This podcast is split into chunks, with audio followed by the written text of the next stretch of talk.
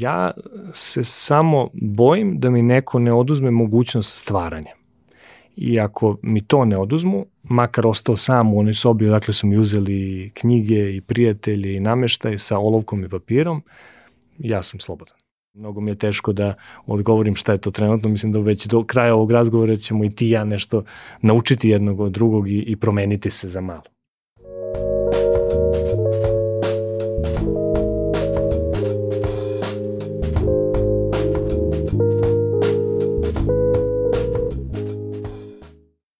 Dobrodošli u Fusnota podcast. Ja sam Aleksandra Petrovski i ceo svoj profesionalni život bavim se postavljanjem pitanja.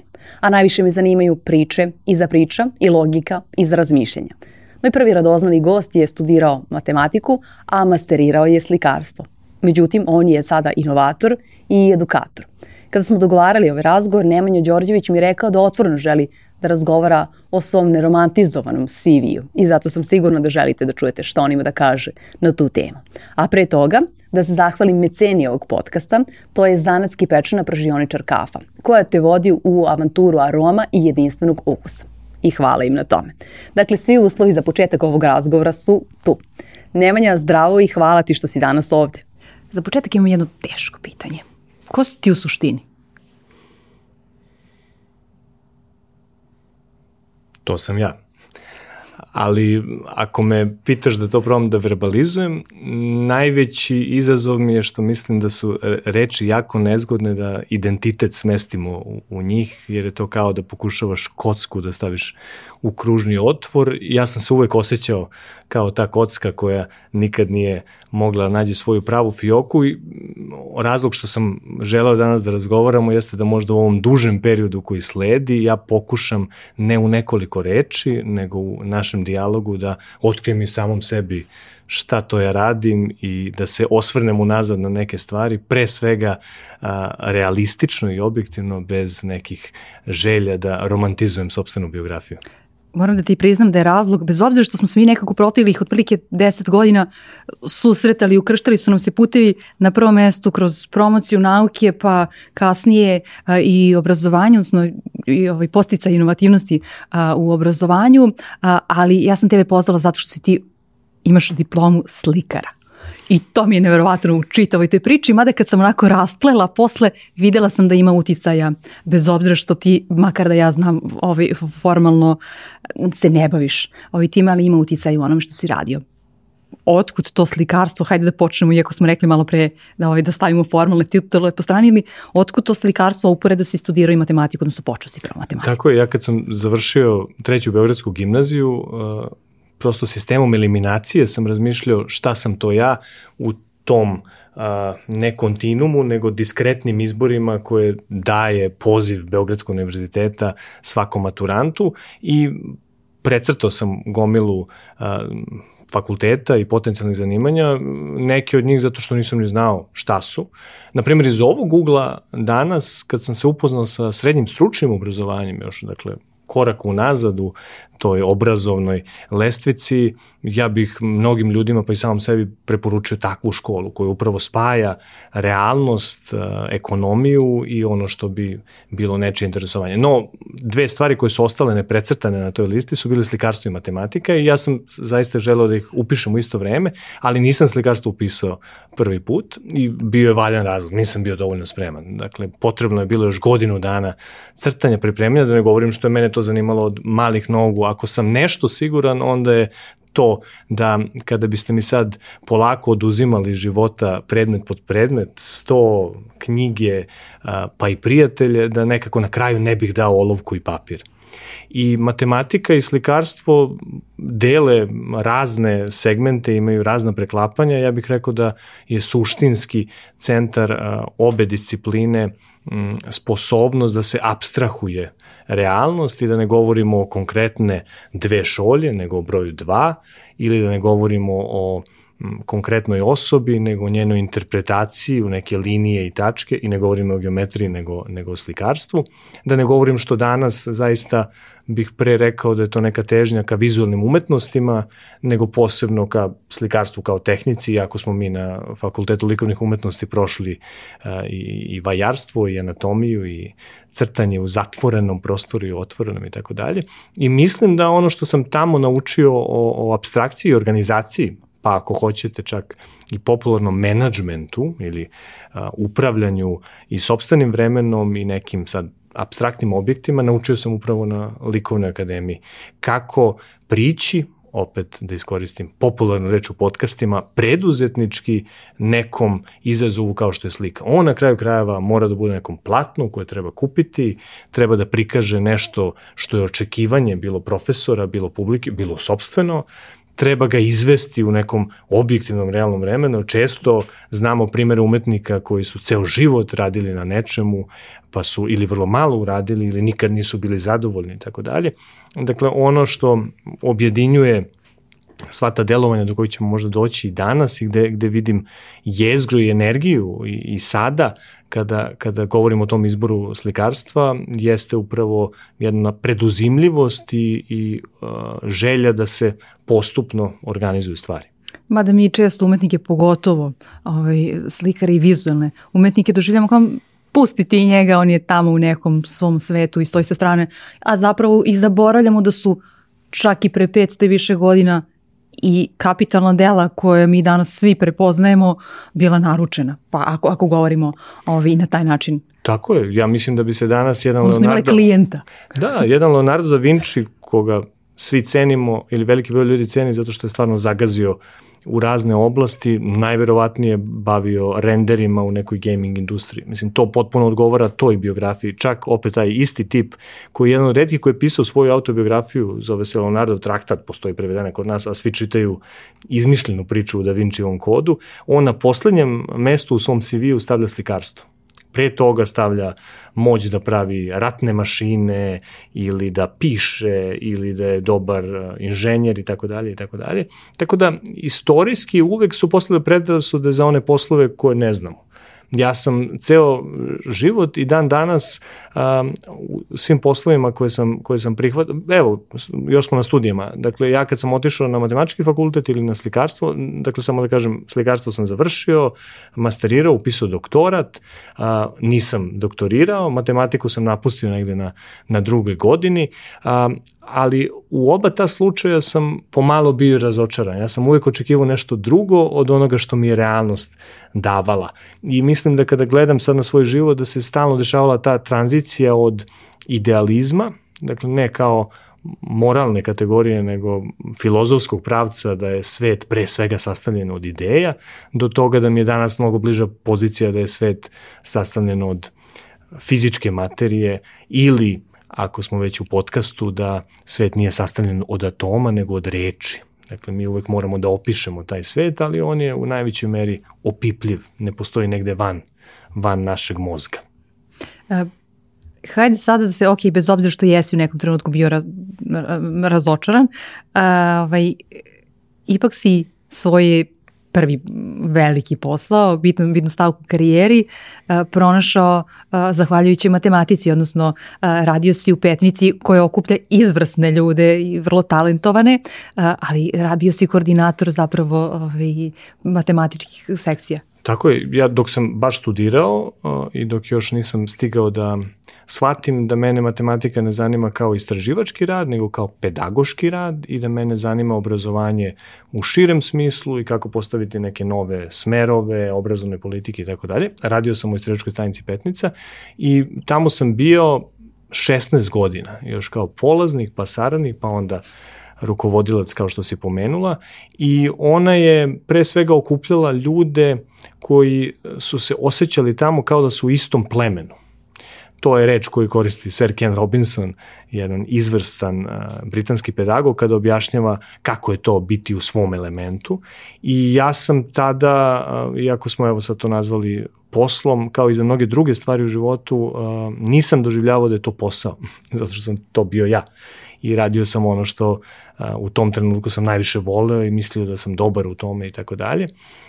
Ali sam i jednu veliku lekciju, evo mogu tu, tu petničku epopeju da zaključim, jako je dugačka 16 godina, za, naučio time što kako sam bivao bolji u, u matematici kao student ili u predavanju kao eto saradnik i kasnije sad u nekakvom a, organizovanju kao menadžer, shvatao sam da m, tu dolazi do jednog paradoksa da kada postajete menadžeri, vi u isto vreme i ne morate da budete eksperti u toj oblasti koju menadžerišete. I prvo me to jedan šok, jer se pitate pa kako je moguće da je direktor ove institucije, ne mislim na petnicu, nego na bilo koju drugu, ili ministar, ili ne znam ja, CEO kompanije, neko ko nije u ovom poslednjem slučaju ETF-ovac ili u ovom prvom slučaju ne znam, matematičar i tako dalje, ali to se dešava i meni je to bilo značajno prvo kao jedan šok, kao pa nemoguće, valjda treba najbolji u oblasti po Platonovoj slici sveta da, da budu uh,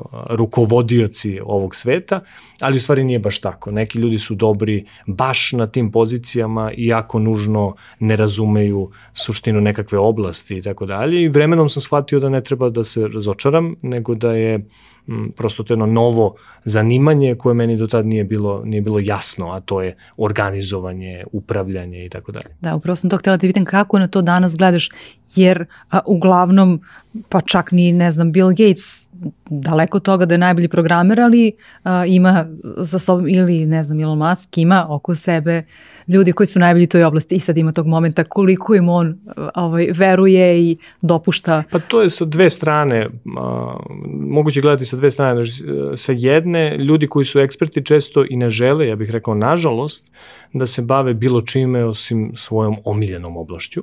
S druge strane, vi možete da hakujete sistem time što ste dobar menadžer ili dobro predstavljate i prodajete sebe, ali da u stvari nemate rezultate, tako da je, da je svakako istina negde između, ali kada ste mladi gledate na svet često binarno. Dakle, ili je neko ekspert ili ne treba to da radi, najveća lekcija u petnici je bila da ne morate da budete ekspert, ali i da sam polako saznavao da mogu da radim i neke druge stvari koje su mnogo bliže poslu, a koje nisu nužno vezane za vaše pleme. Dakle, mesto gde a, nalazite istomišljenike, gde validirate svoje identitete svakodnevno, gde se inspirišete, gde jedni druge provocirate. Dakle, nekad je dovoljno da bude jedna od te, tih četiri stvari ili kako god da ih prebrojimo, da, da uh, prosto vaš život bude ispunjavajući i tako dalje. I to je polako jedno distanciranje za mene bilo od te mladosti. Evo samo jedan primjer, ja se sećam prvog predavanja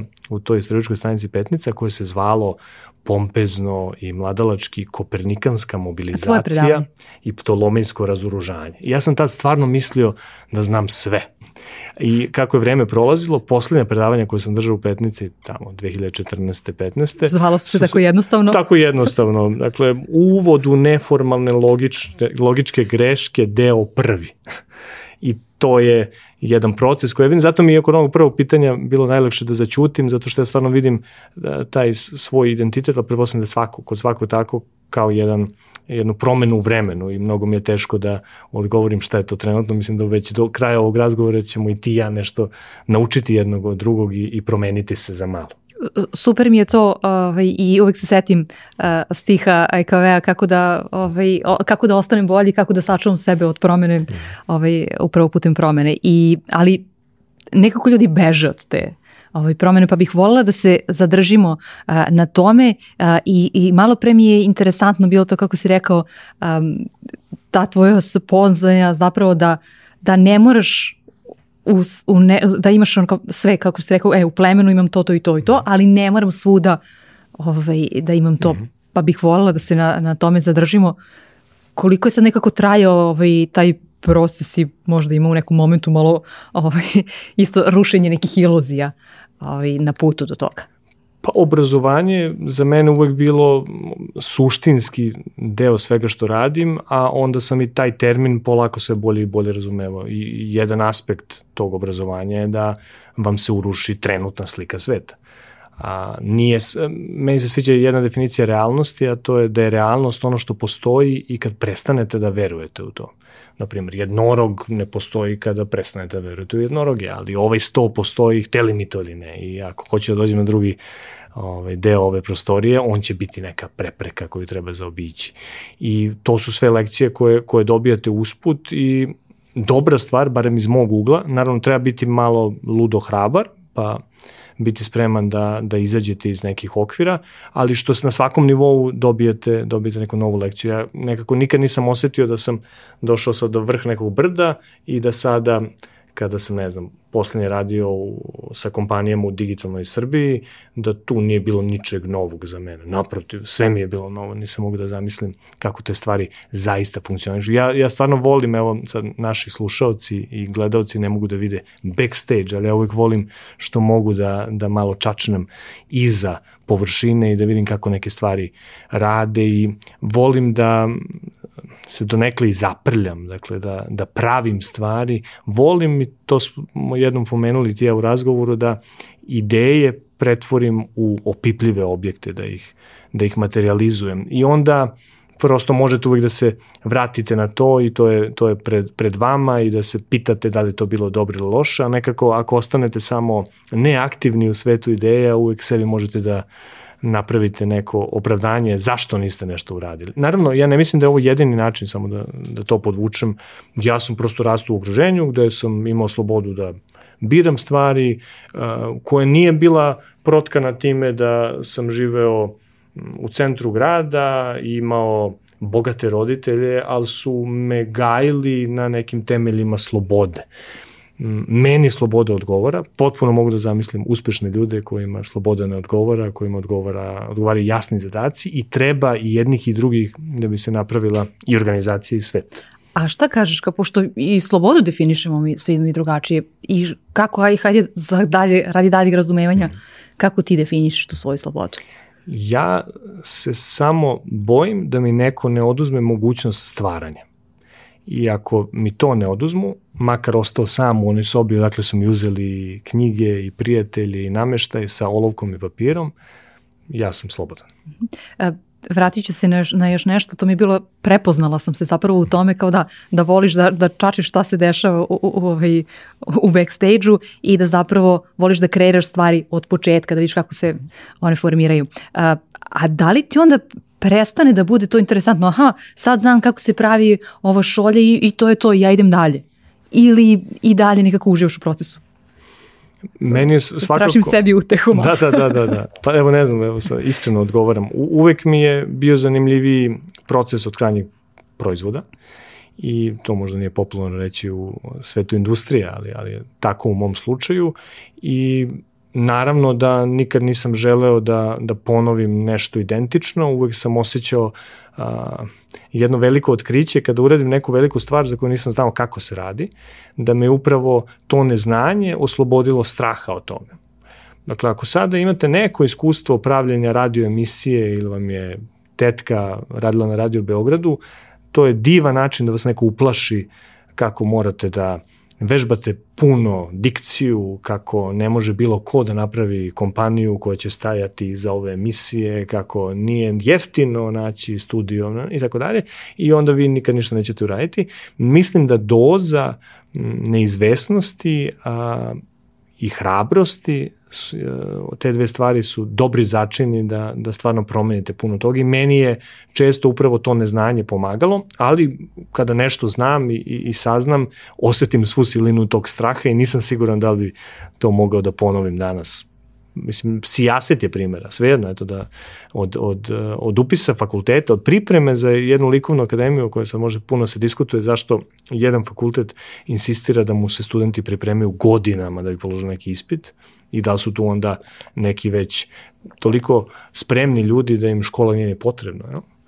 čak i Istraživačka stanica Petnica u neku ruku uh, leči zdrave ljude. Dakle, ona bira učenike koji su najbolji u sistemu, ja i pre rekao vrlo motivisani nego talentovani, ali to je samo sad fina, fo, drugačija formulacija a, i onda prosto niste sigurni šta ste vi doprinali tome. Tako da eto ja i danas za, za likovnu akademiju kao i za istraživačku stanicu Petnica nisam siguran koliko mi pomažemo tim studentima i učenicima, osim što ih stavljamo na jedno isto mesto, oni su već grubo selektovani u odnosu na celu tu generaciju.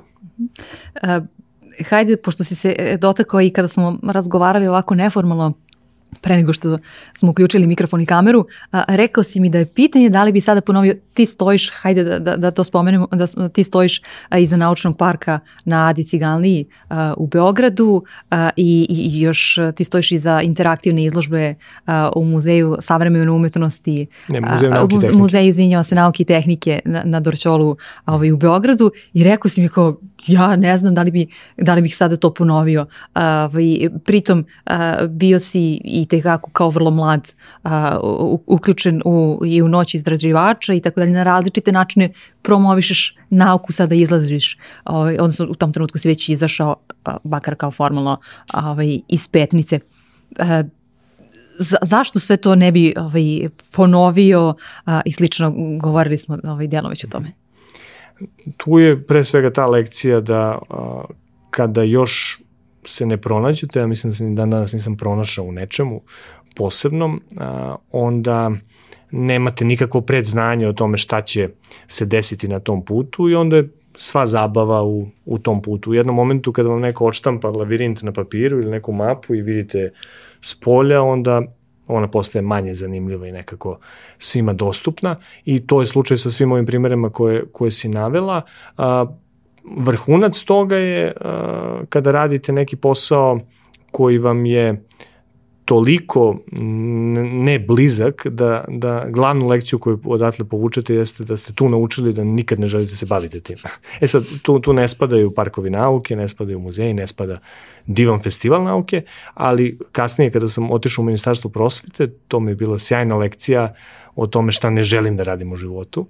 Ne zato što sam se na bilo koji način opekao, nego sam shvatio silinu te realnosti koja je toliko uh, inertna, tradicionalna, nepomerljiva da jedino što možete da, da ovaj, zaboravite da tako nešto postoji da onda probate iz nekih drugih uglova da, da menjate svet. Dakle, to, to je prosto moj stav. Ja znam ljude koji uh, stvaraju u nekoj oblasti, uh, bilo da je umetnost, bilo da je nauka ceo život, uh, nemaju problem da sebe ponove, to je možda i neko breme koje ja nosim da ponoviti istu rečenicu u pismenom zadatku ili uraditi neki sličan projekat u životu je nešto loše, ali to vratno samo znači da ja još treba da učim. Ok, i sad sam, i ovde sam našla ovaj, malo utehe, a, ali reci mi, e, kako onda ti si, ti si dobio na neki način vrlo ozbiljne projekte ove koje smo spomenuli, znači ti treba da više različitih, pomalo i rigidnih institucija ubediš da si ti taj čovek koji zna šta radi, a opet to su inovativni projekti, koji zna tačno šta radi, sve, sve, sve i, i rukovodi na neki način ovi svim to ima dobro poloči konce, a suštinski ti nekako ne znaš isto, igraš se, odnosno ovaj, ulaz, mislim, igraš se, ne ništa ružno rečeno. No, to je odlično pitanje. Glavni trik i savet koji imam i za druge i koji sam ja imao je da ra, da, da ste nesigurni u sebe i da onda radite zbog toga više od ostalih. Ja kada sam dobio prvi put priliku da uopšte pičujem, prezentujem ideju Parka nauke u Beogradu, u gradu Beogradu, ja tri noći nisam spavao i googlao sam kako to izgleda, bio sam u nekim sličnim parkovima u svetu, uh, našao sam neke dokumente koje sam prethodno razmenjivao sa jednom koleginicom koja je to vreme bila šefica kabineta ministru nauke, kako izgleda, pre, pazite, ja sam u tom trenutku uh, polako već završio fakultet, ali još nisam izašao van tog svog plemena. I imao sam eto jedan dokument kao šablon, ceo internet na tanjiru, verovatno da njega nema, ne bih uradio stoti deo stvari koje sam uradio i vreme koje sam tada mogu da uložim, koje je vjerojatno više od, od nekog drugog i možda neki nov dah nekoga ko ne nosi breme prethodnih projekata. Entuzijazam, da. Da, to je, to je bio praktično moj, moj taj neki prvi projekat. Ja sam napravio 10 strana nekih, kombinovao sam, dakle, znao sam da crtam 3D modele, dobro, nikad nisam studirao arhitekturu, da znam da napravim tehnički crtež, ali znao sam to. Znao sam pristojno da obrazložim i složim pre svega, to je, to je kao i pisanje, ja nikad nisam pisao zašto je moj tata novinar i onda sam stalno zamišljao kako me on gleda, kako pišem i, i teško pišem, ali najveći pomeraj koji sam imao i koji vjerojatno može se primjeni na druge delatnosti jeste da zaboravite na pisanje kad hoćete da pišete, sad ti to bolje znaš pa me ispravi, nego samo što šire skicirajte šta, je, šta su granice te ideje. Dakle, ako ja danas dolazim ovde da pričam sa tobom, pa kome ja to pričam? Evo, samo to za početak. Ili zamišljam da tamo sedi moja baka ili zamišljam nekog mladog studenta koji treba nešto da bira u životu ili zamišljam da je ovo moja biznis prilika gde će a, sutradan neko da me pozove zato što me je video. Sva tri odgovora su u redu, nisu pogrešna, ali to je prvo pitanje. Nije prvo pitanje, dobar dan, ja sam Nemanja i govorit ću vam danas bla bla bla. I od tog svođenja slikarskog od, ili matematičkog, od opšteg ka posebnom, Tako meni... Tako fokalna tačka zapravo, Naprimer, što sam ja ukrala od, eto, izmislim iz teorije slikarstva, jeli? Ili geometrije. Da, da. ovaj, dakle, ali, ali poći, poći ka njoj, ka, od, od periferije, tu puno pomaže i mnogo vremena uštedite i ne izgubite se u detalje. Ja sam bio rođen da se gubim u detaljima, a različiti poslovi u životu su me naučili i uvežbali da probam da se udaljim od problema što više. To sam htjela da te pitam. Internet je ogroman i ti si rekao da sedeo sam i googlao i tako dalje, ali kako da znaš da ostaneš nekako na pravoj e, liniji, mada nekada ni ta serendipitarnost nije tako loša, ume da nam ovaj, stvori neki put koji, na koji nismo očekivali. Jedan dobar način koji ja tad nisam znao, to je sad lekcija 2, jeste da Pišemo. udružite druge ljude i da za početak neke, tako outsourcujete druge ljude da rade neplaćeni rad za vas. Ne, šalim se, ali da prvo neki prijatelji, ljude čije mišljenje poštujete, konsultujete za sve što radite. I to nije ružno, to ne naučite u školi. U školi je svako za sebe, borac u rovu, ni čak ova naša zajednička klupa nije zajednička moja leva polovina, tvoja desna polovina. Dakle, da je potpuno u redu da shvatite da je timski e, rad mnogo više čak i od proste sume tih delova. Ti i ja možemo mnogo više da uradimo za istim stolom nego što bismo za isto to vreme uradili za dva različite i onda to nekako pokušali da spojimo. I To je dakle došlo kasnije, bolno iskustvo bilo što to nisam tada uradio, mada je mala promena nastala, ajde kad smo kod Parka nauke, tamo je prvo napravljeno sedam eksponata na Adi Cigalni koji dalje postoje i onda sam dobio još jedan poziv da napravimo još neke eksponate. I umeđu vremenu je jedna ekipa ljudi koji se poneviše znala iz Petnice napravila društvo za promociju i popularizaciju nauke, jedno udruženje građana. I onda sam ja odlučio, iako je poziv bio upućen meni, da to radimo kao društvo i ta tri preostale eksponata smo i tako i potpisali, čak tamo na, na tabli to možete vidjeti, dakle postoje eksponati koje sam ja u prvoj fazi potpisivao imenom i prezimenom, a postoje drugi na koje sam ponosniji, iako se izgubila granica šta je čije, ali na kraju krajeva nije ni bitno. To su a, naučne skulpture u javnom prostoru koje ne treba da budu naše, nego treba da budu a, skulpture tih posetilaca koji hoće nešto da otkriju iz sveta nauke na drugačiji način. Ja sam najponosniji kada u tom parku vidim decu koja sama shvate da, na primjer, veliko akustično gledalo radi tako što šapućeš pored jednog, a čujete neko pored drugog bez ikakvih kablova, bez ikakve tehnologije i onda to oni prepričavaju kao peer learning svojim vršnjacima u tom istom parku. Ja, ja mislim da je to da je to uspešno.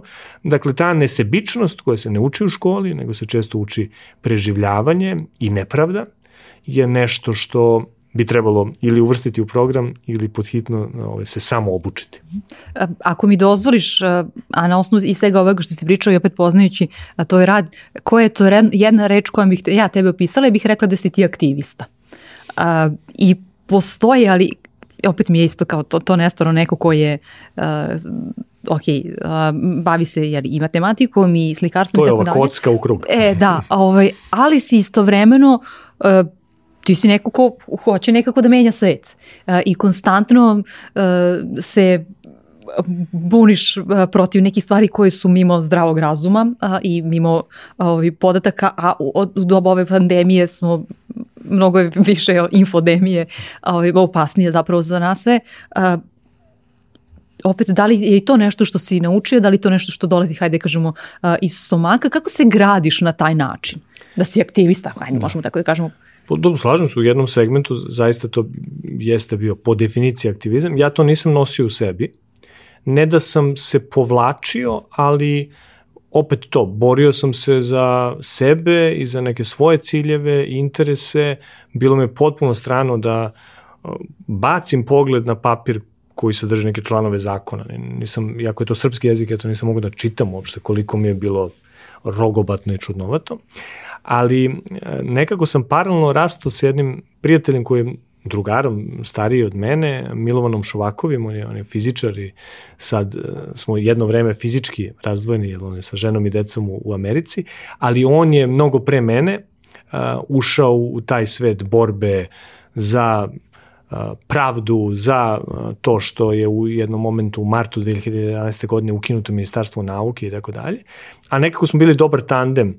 On meni pičuje svoju ideju, ja nađem neke slabe tačke, onda ih on popravi, onda vrati i, i u tom krugu smo mi, eto, 2011.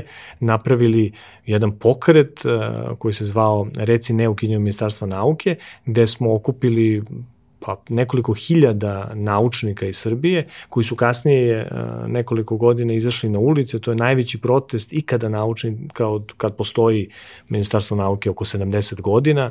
I eto, bio sam ponosan na to da sa tako nekim ciljem na, na usnama i snagom u nogama nešto menjamo, a što na primjer se u tom trenutku stvarno nije apsolutno ticalo mene. Dakle, mnogo se više ticalo uh, Milovana i naučnika, nego mene koji sam samo to video kao problem. Ja ne jedem taj hleb, ne radim u naučnom institutu, ali bolelo me da a, Srbija pošalje poruku da nauka, praktično ukidanje Ministarstva nauke i pripajanje prosveti, nije potrebna.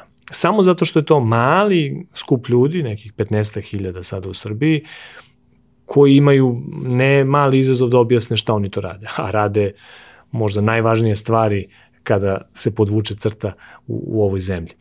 Bilo je neki sitni protesta, sam mi samo pada na pamet, ne, neću o aktivizmu, ali bunili smo se protiv Tesla. premeštanja Tesline urne, takođe a, se spojilo, tu je sad čak proširena, evo, ako sad gledamo nazad, bio sam sam, pa sam onda kupila neka a, ekipa u tom društvu za promociju nauke, pa ovde se neka druga potpuno grupa pojavila na Twitteru koja se isto bunila protiv toga i onda smo seli prvi put uživo i napravili mali protest i to sprečili. I to svake godine skoro moramo da radimo, jer uvek negde oko Teslinog rođena na leto neko dođe na tu ideju koja je principijalno problematična zato što mm, je to nek, samo da podsjetim, dakle, bila ideja da se urna premesti u dvorište, čak ne ni u hram Svetoga Save i to je neko abstraktno idealističko obračunavanje sa, ne znam, tradicijom i spajanje velikih umova na jednom mestu i tako dalje, potpuno besmisleno. Pa ja to još vidim kao zgodnu turističku priliku malo. A pritom jedan muzej koji to već ima i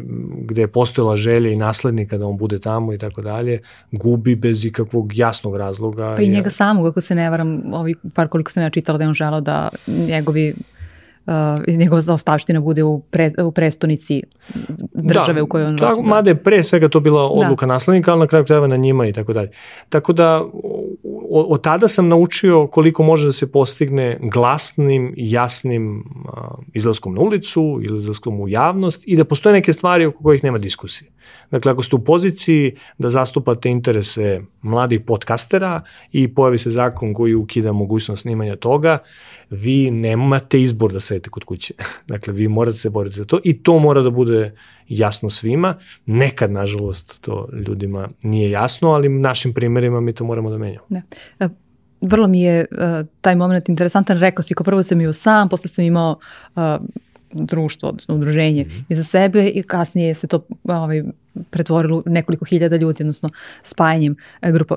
Kako ti budeš kaž, da ta osoba koja kaže, e, ok, ovo je problem, tiče me se i ja treba da animiram druge ljudi da se, da se njih tako tiče, ali ja ostajem, da kažem, mislim, na čelu u smislu toga nastavit ću da vodim, neka ove malo uzburkam ljude pa se mm -hmm. ja mhm. ovaj, povučem sa strane. I to je isto nešto što se vežba naprosto ovih godina. Pa ja mislim da sam ja tu verovatno bio pogrešno vaspitan da se treba boriti za neke ideale, da se treba um, boriti za pravo oni koji su slabiji tako dalje. Iako sam ja jedinac, ali eto, zamišljam da je to uloga nekog starijeg brata koji, koji čuva tog mlađeg i, i pazi ga.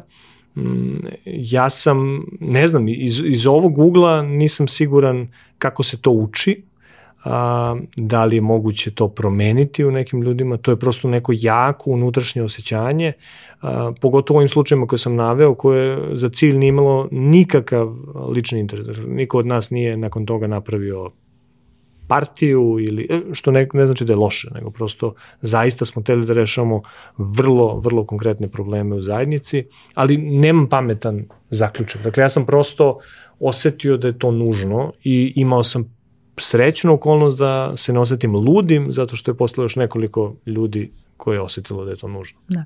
E, kaže Harari, ne znam koliko njega sad pratiš i tako dalje, ali on je između ostalog jedan od tih zagovornika koji kaže da danas mladi ljudi kada žele da, da delaju, da promene na bilo koji način, a, sve to više ne osnivaju a, političke partije, već osnivaju startupe i ti si isto bio taj, taj neko koji je, koji je osnovao ovaj, i startup i prešao si kasnije, ja sam to nazvala ovaj, tamnom stranom, našalili smo se malo, ali ovaj, i prešao si kasnije da, da, da razgovaraš sa, sa takvim ljudima.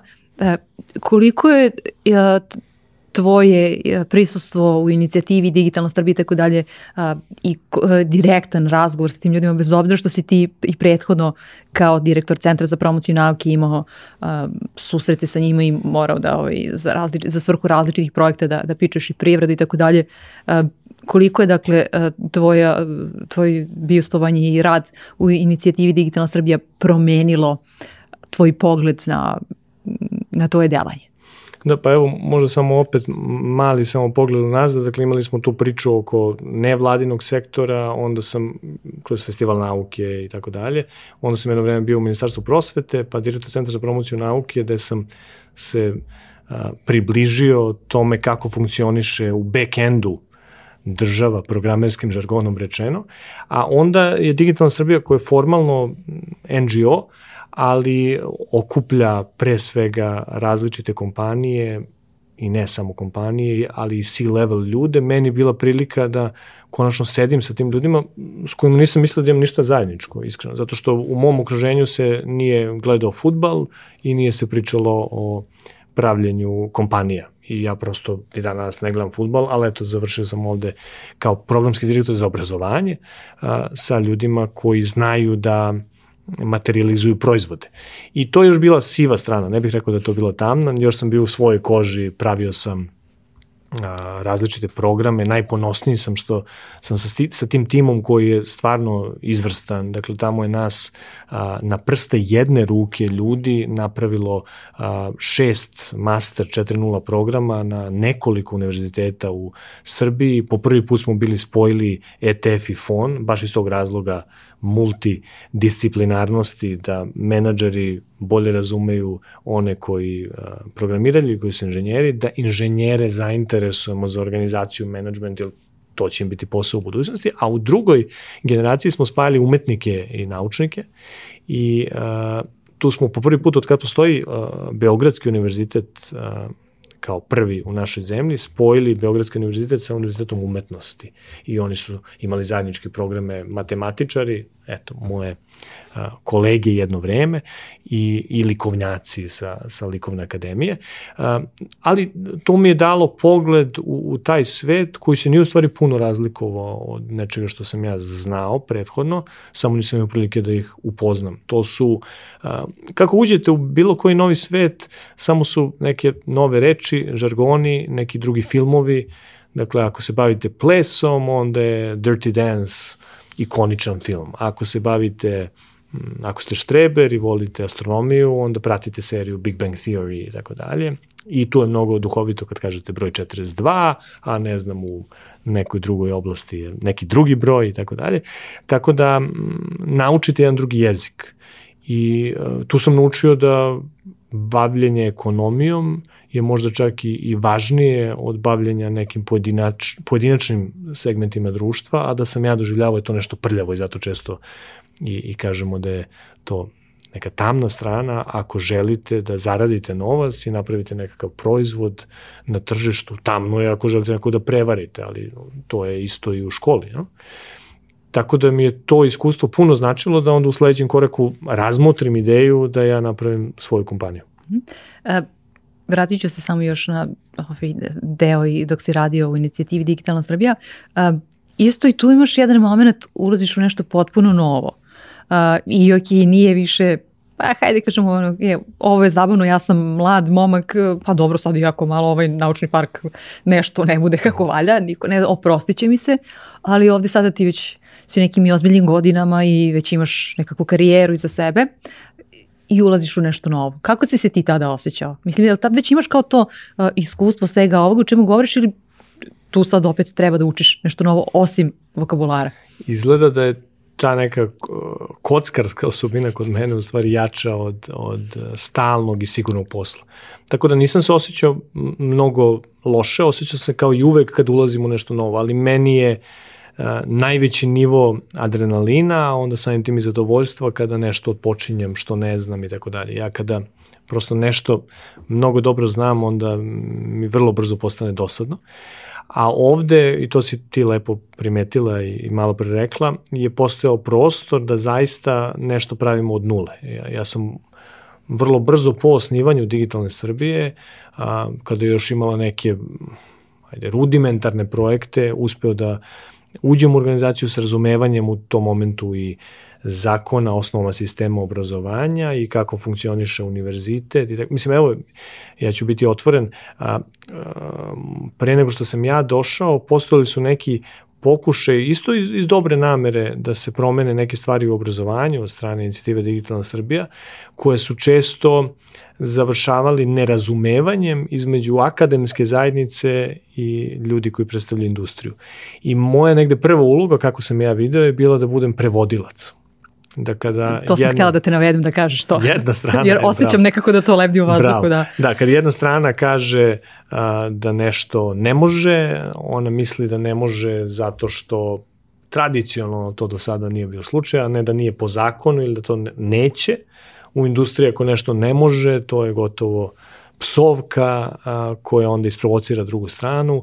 Kada neko iz industrije kaže za sebe da je tehnokrata, a, to nekom iz akademije zvuči kao pogrešna upotreba reči, ti se hoćeš sad da ovladaš nama i da nam čitaš misli putem tehnologije, gde je ova prva osoba mislila nešto najlepše i to je sad taj problem, problem sa rečima, a da ne govorim sad o nekim raznim detaljima. Jedno je očekivanje kompanije koja pravi uspešne proizvode, da napravi uspešan novi fakultet koji će biti najbolji na svetu, a bit će sticam okolnosti u Beogradu, a drugo je akademija koja ima ogromno iskustvo i koja može da kaže pa dobro, čekajte, nije to baš tako, na kraju krajeva moramo i da pričamo, vi ste u neku ruku onda naša konkurencija i tako dalje. Mislim da je najveći uspeh što smo uspeli da za istim stolom, kroz eto, dve i po godine koliko sam ja bio u digitalnoj Srbiji, imamo sve vreme jedan tekući dijalog i da i dan danas su ljudi iz inicijative, sad i delovi nekih tela na fakultetima zajedno odlučuju, ti programi i dalje žive,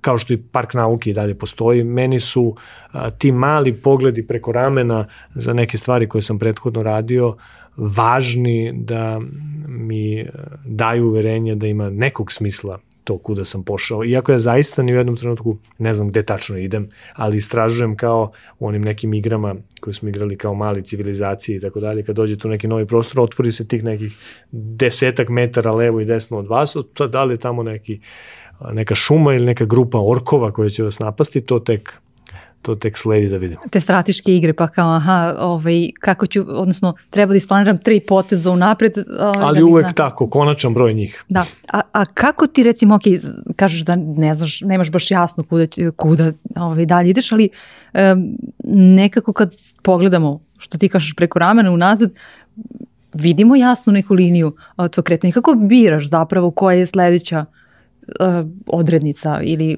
u ovom momentu je, je, je tvoja preduzetnička ovaj, delatnost, ali uh, pomerao si se kroz različite organizacije i institucije.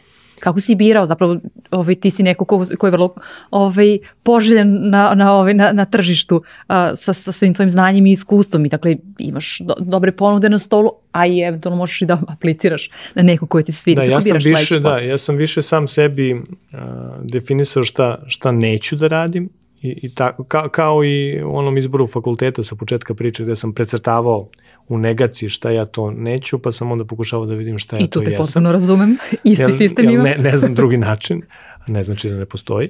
Um, ovde, kada se neki ciklu završi, mm, meni nije lako da upadnem u, u dva kruga nečega. Ja sam pre 12 meseci shvatio da ja inicijativi Digitalna Srbija, pogotovo u domenu formalnog obrazovanja, visokog obrazovanja, ne mogu da pružim puno osim a, tih trekova koje smo već ustanovili, a da ako bih hteo da se bavim neformalnim obrazovanjem, da bi to možda bilo bolje da radim nekom drugom mestu, ne znam, kao što je isto jedna druga sjajna organizacija, Petlja, koja pravi različite materijale za osnovce, srednjoškolce, sad i za studente i tako dalje.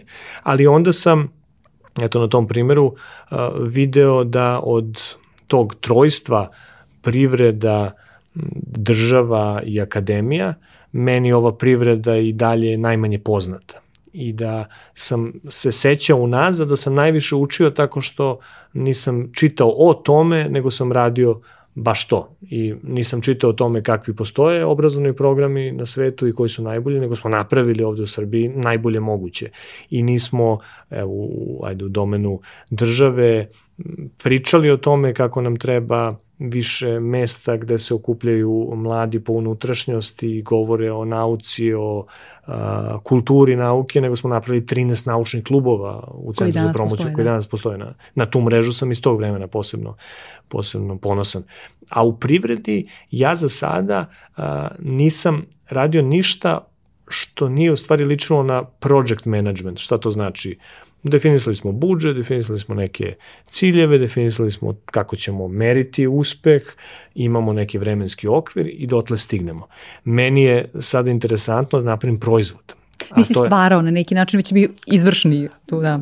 Pa, ja, ne, stvarao sam, ali nisam imao, nisam monetizovao ideju. To se zvuči ružno za ljude kojima možda privreda nije, nije bliska, ali biti project manager i biti product manager su ekstremno različite stvari i ja sada hoću da vidim da li to moje razumevanje realnosti, studiozno postavljanje projekata, projekata i tako dalje na izlazu može da da jedan proizvod koji će ljudi kupovati, koji će rešavati neke konkretne probleme, koji će na kraju krajeva a, učiniti njihov život lakšim. Ekonomiji nastala istorijski i etimološki iz rešavanja kućnih budžeta, iz optimizovanja uvijek konačnih resursa.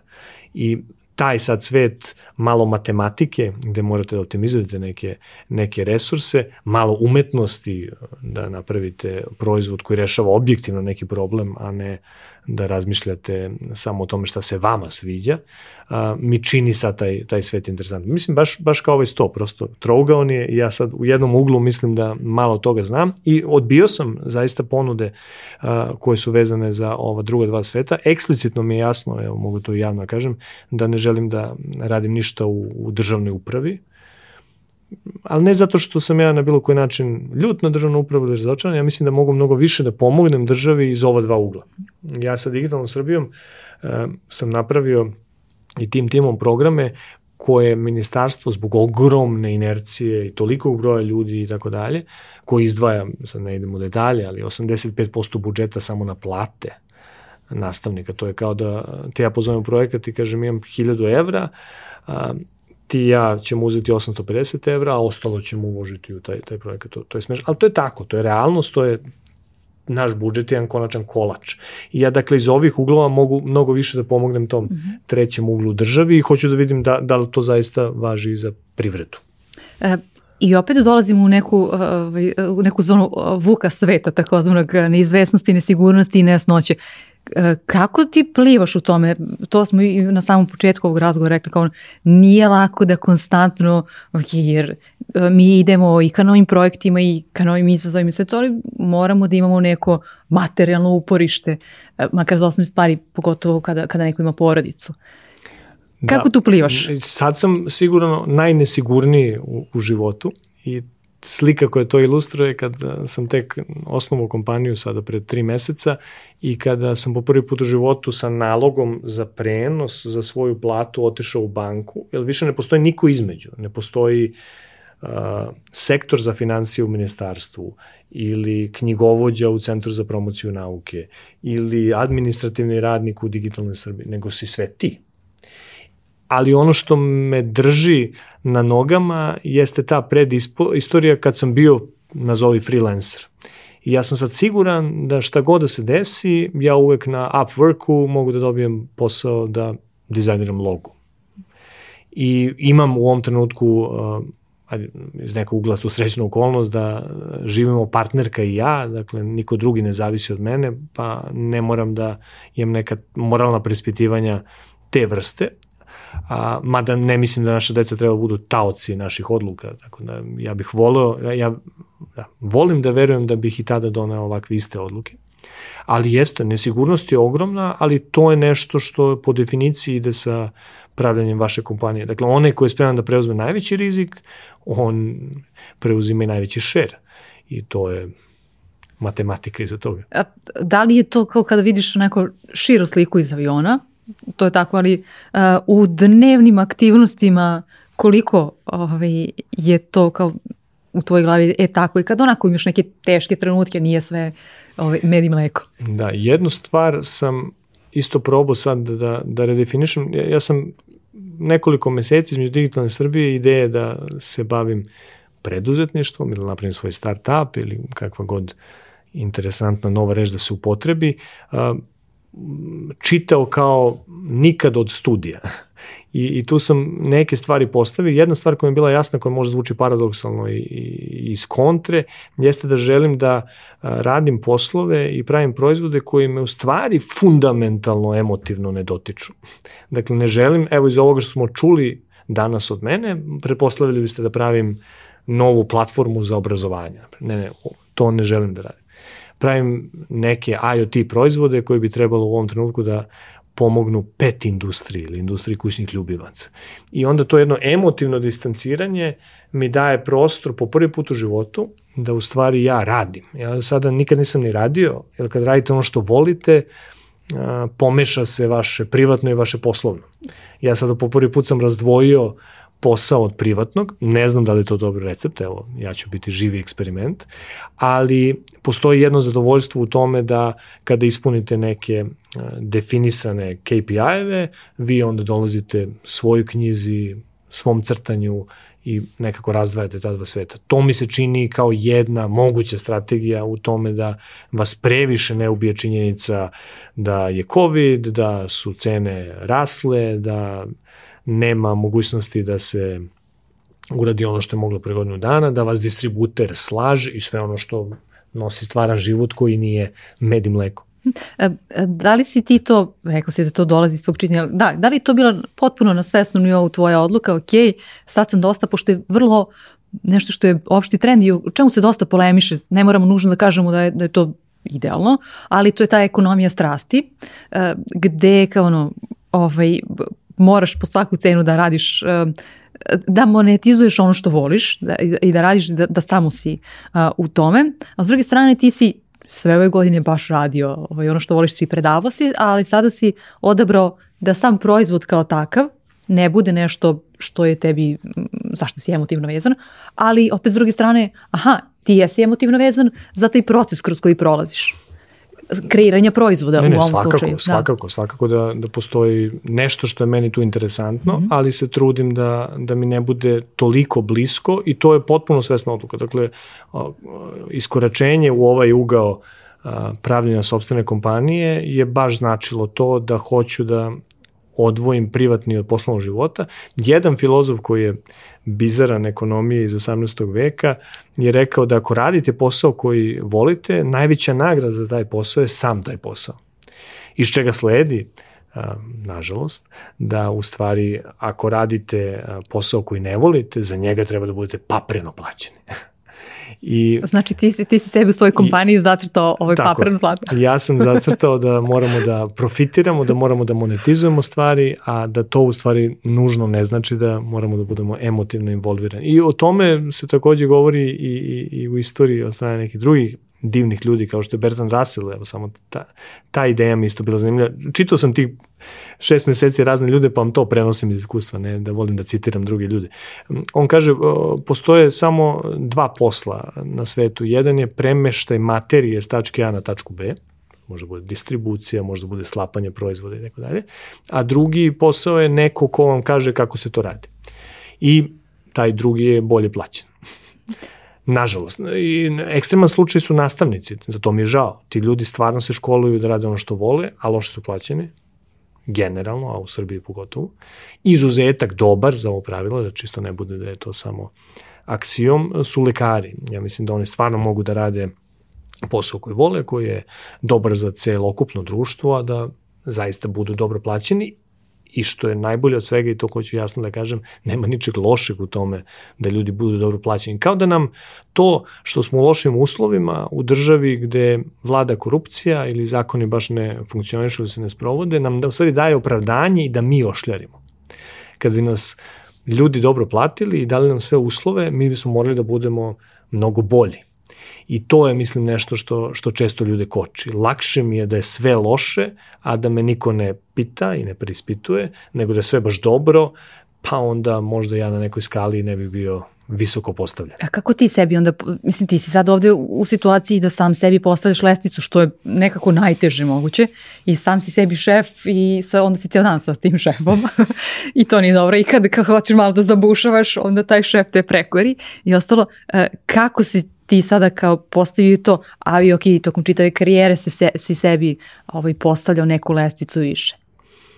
Isto kao što sam postavljao drugima. Dakle, za sada sam baziran na ovom iskustvu projektnog vođenja. Ja mislim da jako dobro mogu da anticipiram a, u budućnost kako nešto treba razviti, bilo da se dogovorimo da u januaru pravimo neki događaj povodom početka fusnote, bilo da hoćemo da razvijamo proizvod koji ima petogodišnji plan i uh, usput pokušavam da uključim što više ljudi, da budemo savremenim rečnikom agile, a ne da samo iz koraka u korak pratimo nekakav recept, ali to za sada jako dobro funkcioniše i nemam neki poseban savjet za to. E, kada smo razgovarali u pripremi jeli, ovog razgovora, e, rekao si da, da jako voli, voliš one neromantizovane uh, CV-evi i pohvalio si Relju Deretu koji je to uspeo da uradi. Uh, a ti si neko ko voli da ruši ove mitove, u to, o tome smo već pričali.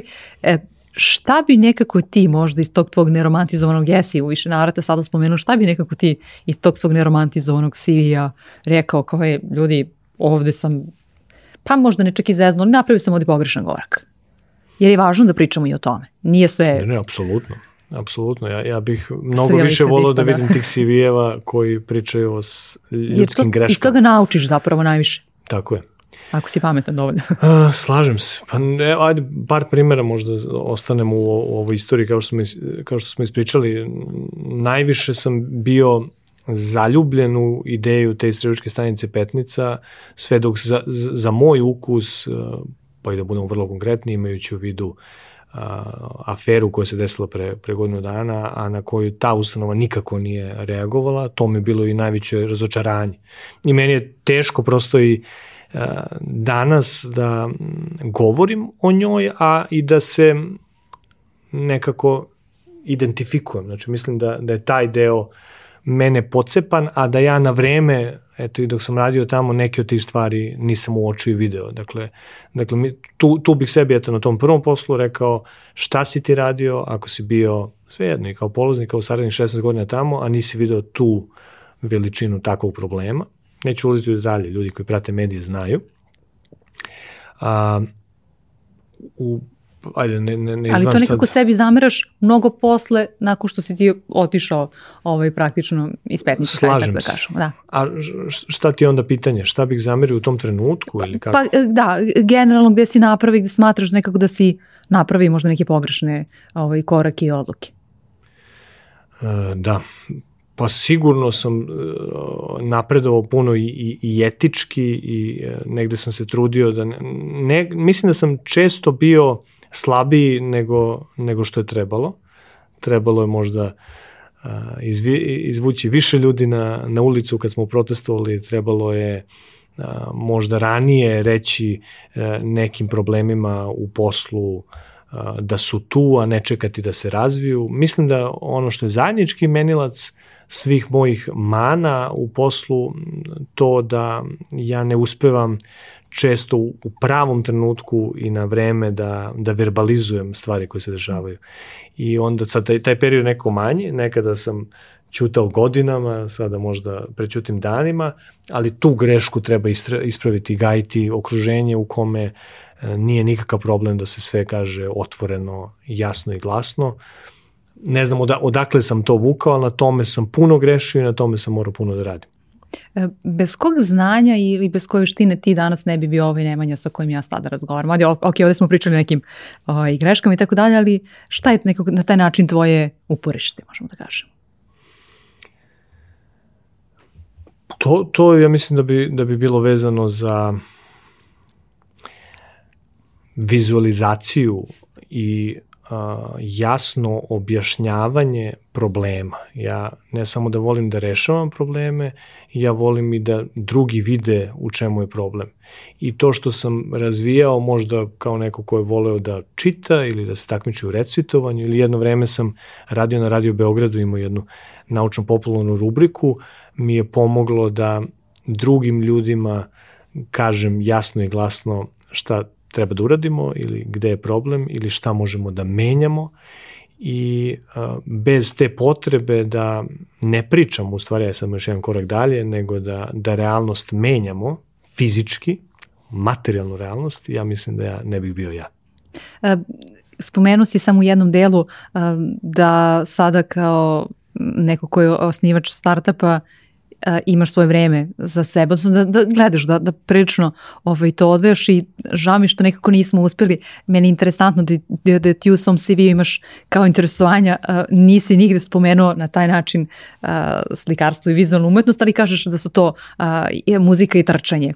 A, I koliko to, kažem, bez obzira što u ovom trenutku sada želiš da, da odveš, ali koliko to ima uticaja na ono što zovemo posao, hajde tako da kažem muzika je neko paralelno nastala, naravno prvo iz nekih tineđerskih razloga da čovek a, bude u centru pažnje, a kasnije me zanimala i teorija muzike i tako dalje. I gitara je svakako element u prostoru a, koji svakodnevno uzimam i sviram i pokušavam da tu nešto doprinesem. Imali smo čak i neki obrazovni koncert sa Rambom Amadeusom pre mnogo godina. E, to mi je sjajno i hajde da kažemo ljudima kako da ga da. Dakle, moguće ga naći na YouTube-u gde smo probali to upravo da spojimo. Ti sviraš bas gitaru tamo. Do, to mi doktore fenomenal, nauka da. i, i muzičare i da kroz Rambove pesme ispričamo šta se događa u ljudskom mozgu kada imate, ne znam, depresiju ili kada ste agresivni i tako dalje. A trčanje, kao i vožnja kola, eto da se pohvalim, su došli sa COVID-om. Tu sam naučio da se krećem. A, nisam stigao da se bavim polaganjem tog vozačkog ispita koliko sad, 18 godina i onda sam sa zakašnjenjem od 18 godina položio i sada idem Pod parolom nikad nije kasno. Tako i u pekaru idem kolima, što nije ekološki dobro, ali je meni uzbudljivo, a, a s druge strane smo uveli to trčanje i moja partnerka i ja smo istračali prvi polumaraton ovog leta i ja kao neko ko se malo bavio skijanjem, ali ničim posebno drugim što je vezano za sport, uh, mi je to bilo zaista neverovatno iskustvo, dakle da je to moguće i to je jedna pre svega psihološka borba, ne toliko I mnogo naučiš o sebi, sve kažu. Jeste, jeste, tako da i to je bio jedan ključni moment da, da pogledam na tu svoju istoriju i na stvari koje mogu da radim u budućnosti drugim očima. Dakle, da je, da je zaista moći, moguće ne samo naći neki novi identitet i redefinisati se, nego i fizički a, biti bolji i promeniti se. Uh, neću te pitati šta je to novo što učiš, ti si neko ko stalno uh, uči, ali... Uh, ali reći te, znaš, ovih dana sam skinuo neku aplikaciju za učenje Morzeove azbuke. Oh, I to je, to je ultra zabavno. Tako, na primjer, da tvoje ime počinje to je tita, to, to je slovo A. Tako da smo mogli cijel ovaj intervju da u stvari kodiramo u morze. To mi je, eto, interesantno, jedna mala vežba jednog drugog jezika koji vas uči o sobstvenom jeziku. Uh, svaka ti čast. On, on ne bismo stari mogli ovaj intervju, ali onda moram ja da skinem tu aplikaciju da ja naučim Morzevu azbuku, ovaj, da, da bih znala da Inače, Morze je bio slikar, to mu je bilo osnovno zanimanje, što je interesantno za ovu tvoju temu. Aha. Dakle, to je slikar koji je najpoznatiji po jednoj tehnologiji koju je doneo. Dostupan sada celom svetu i, i vrlo koristi. Uh, ohrabrit ću te da nastaviš, da učiš i kao uspomenu na gostovanje, makar u narednih godinu dana ovaj, na ovaj, ovaj podcast i Krojačeva škola zajedno sa Fusnotom poklanjaju pristup online platformi a, gde možeš da, da, da učiš šta god a, poželiš, odnosno kurseve koji su dostupni na toj platformi. Svi koji pratite a, ovaj podcast imate uz kod Fusnota 20% popusta da takođe učite. Nemanja, hvala ti na ovoj ja volim da kažem lekcije etini, sva što sam naučila od tebe i o tebi, ali i o sebi zapravo, zato što sam videla iako delujemo u različitim prostorima da, da, da zapravo imamo vrlo uh, neke paterne ponašanja vrlo slične. Hvala tebi što si im pomogla da ja sredim malo misli povodom sebe. Da. Ove, i, I vidimo se nekom novom prilikom da još malo pričamo o ovim tvojim dodatnim aktivnostima, a i kad tvoj startup onako sazri da možeš da mi pričaš takvu vrstu novog iskustva. Hvala.